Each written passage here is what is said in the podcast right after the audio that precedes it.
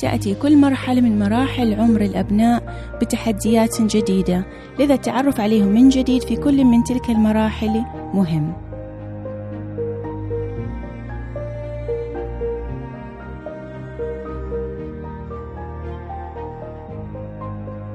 معكم ابتسام الوردي وأقدم لكم بودكاست وعي وتربية.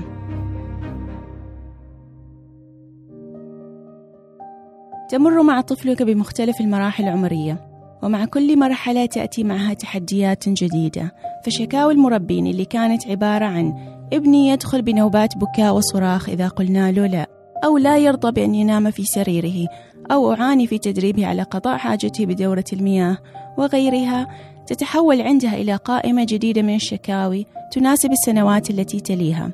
يصيبك التفكير بالأمر عندها بالخوف فلا تبدو بأنك ستتخلص في القريب العاجل من القلق. فأنت مقبل عندها على تحديات جديدة تحديات مرحلة عمرية مختلفة فالجميع يخاف من فترة المراهقة ويتناقلون قصصا مزعجة عن تمرد الأبناء وعن صعوبة تربيتهم في هذه المرحلة.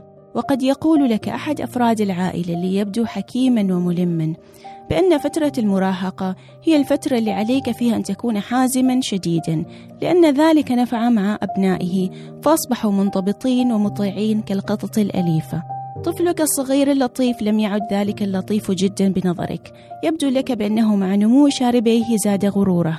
طفلتك الصغيرة ما عادت تلك الفتاة التي تبحث عن رضاك وتحضنك كلما أردت ذلك بل صارت تتعمد تجاهلك كل مرة. أساليبك القديمة اللي كانت تنفع معهم صغارا لم تعد تنفع. الجميع يتحدث عن مدى صعوبة هذه المرحلة عليهم كآباء وكأمهات. لكن قليل ما نسمع برأي آخر يقول بأنها مرحلة أكثر الصعوبة على الأبناء منها على المربين. يمر الأبناء في مرحلة المراهقة بتغييرات هرمونية وجسدية وكما تنمو أجسادهم فإن دماغهم أيضا ما يزال ينمو. وبذلك إدراكهم ونضجهم العاطفي والنفسي وبالتأكيد الجسدي غير مكتملين. بمعنى هم ما يزالون بمرحلة الطفولة ولم يصلوا لتمام النضج. يعني ابنك المراهق اللي صاير أطول منك ما معناه أنه بنفس مستوى عقلك أو نضجك. وبالتأكيد ليس بنفس مستوى معرفتك للحياة وخبرتك. وهنا نأتي للنقطة المهمة. وهي إصرارنا على معاملتهم كأفراد بالغين بحيث أننا لا نتحمل منهم الخطأ بالرغم من أنهم ما يزالون يتعلمون والخطأ وارد وطبيعي. ونحملهم فوق طاقتهم من سوء ظن وتربص والبحث عن الزلة لكي نثبت لذواتنا كل مرة بأننا حاولنا كل ما بإيدنا لكن لا شيء نفع مع هذا المراهق المزاجي المتمرد. المراهق يعاني لأنه بالمرحلة المنتصفة بين الطفولة والشباب يبحث فيها عن ذاته ويسعى للاستقلال والقبول. يشعر بتحيزاتنا المستمرة ضده وانعدام ثقتنا به.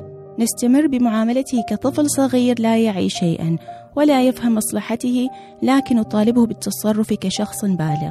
يبحث المراهق عن الثقة والثقة هنا لا تعني عدم رعايتهم وعدم الحرص على متابعتهم وتوجيههم. بل تعني تقديرهم واحترام شخصياتهم وتقبل التغيرات اللي تمر عليهم بطولة بال وتفهم وتعاطف. وعلينا أن نستبدل النظرة السلبية نحو المراهق بنظرة إيجابية. فشكوكنا نحوهم لا تعكس حقيقة أنهم سيئين بقدر ما تعكس شكوكا نحو أساليبنا التربوية. أن تشك بابنك وتمتنع عن تفهم المراحل المختلفة اللي يمر بها لن تجعله شخصا أفضل. بل سترسم بذلك حدودا يفصل بينك وبينه ويشعره بأنه من المستحيل التقرب منك. جميعنا مررنا بفترة المراهقة. فما الذي يجعل من مراهقتك سابقا أفضل من مراهقة ابنك حاليا؟ تذكر ما الذي كان يزعجك وما الذي كان يسعدك. ضع نفسك مكان ابنك وابنتك وامنحهم الثقة وتقرب منهم بالحب والتعاطف لا بالتربص والقلق. نحن نكثر انتقادهم بينما من النادر أن نعزز لهم ونقدرهم. فبالنسبة لنا كل سلوك يمارسونه مستفز ويستحق الانتقاد. فلا نرى منهم إلا العيوب ولا يروا منا إلا أشخاص يصعب إرضاءهم. تأمل نفسك في أحد الأيام ولاحظ لغتك نحو ابنتك وابنك وستفهم ما أعنيه نظن أننا نفهم أبناءنا حتى بعدما يكبرون بينما نحتاج لأن نتعرف عليهم في كل مرحلة عمرية لأن هذا ما يقومون به نحو أنفسهم. فهم يتعرفون على ذواتهم وتتشكل هوياتهم ويمرون بمراحل مختلفة توصلهم بالنهاية للنضج. لكن قبلها راح تمر ببعض المطبات اللي من الضروري مواجهتها بالحكمة. فهي مراحل طبيعية وليست نهاية الدنيا. فترة المراهقة فترة انتقالية بها بعض التحدي لك وله. كن إيجابيا بنظرتك نحو ابنك وابنتك وأعدك عندها بأن القادم أجمل.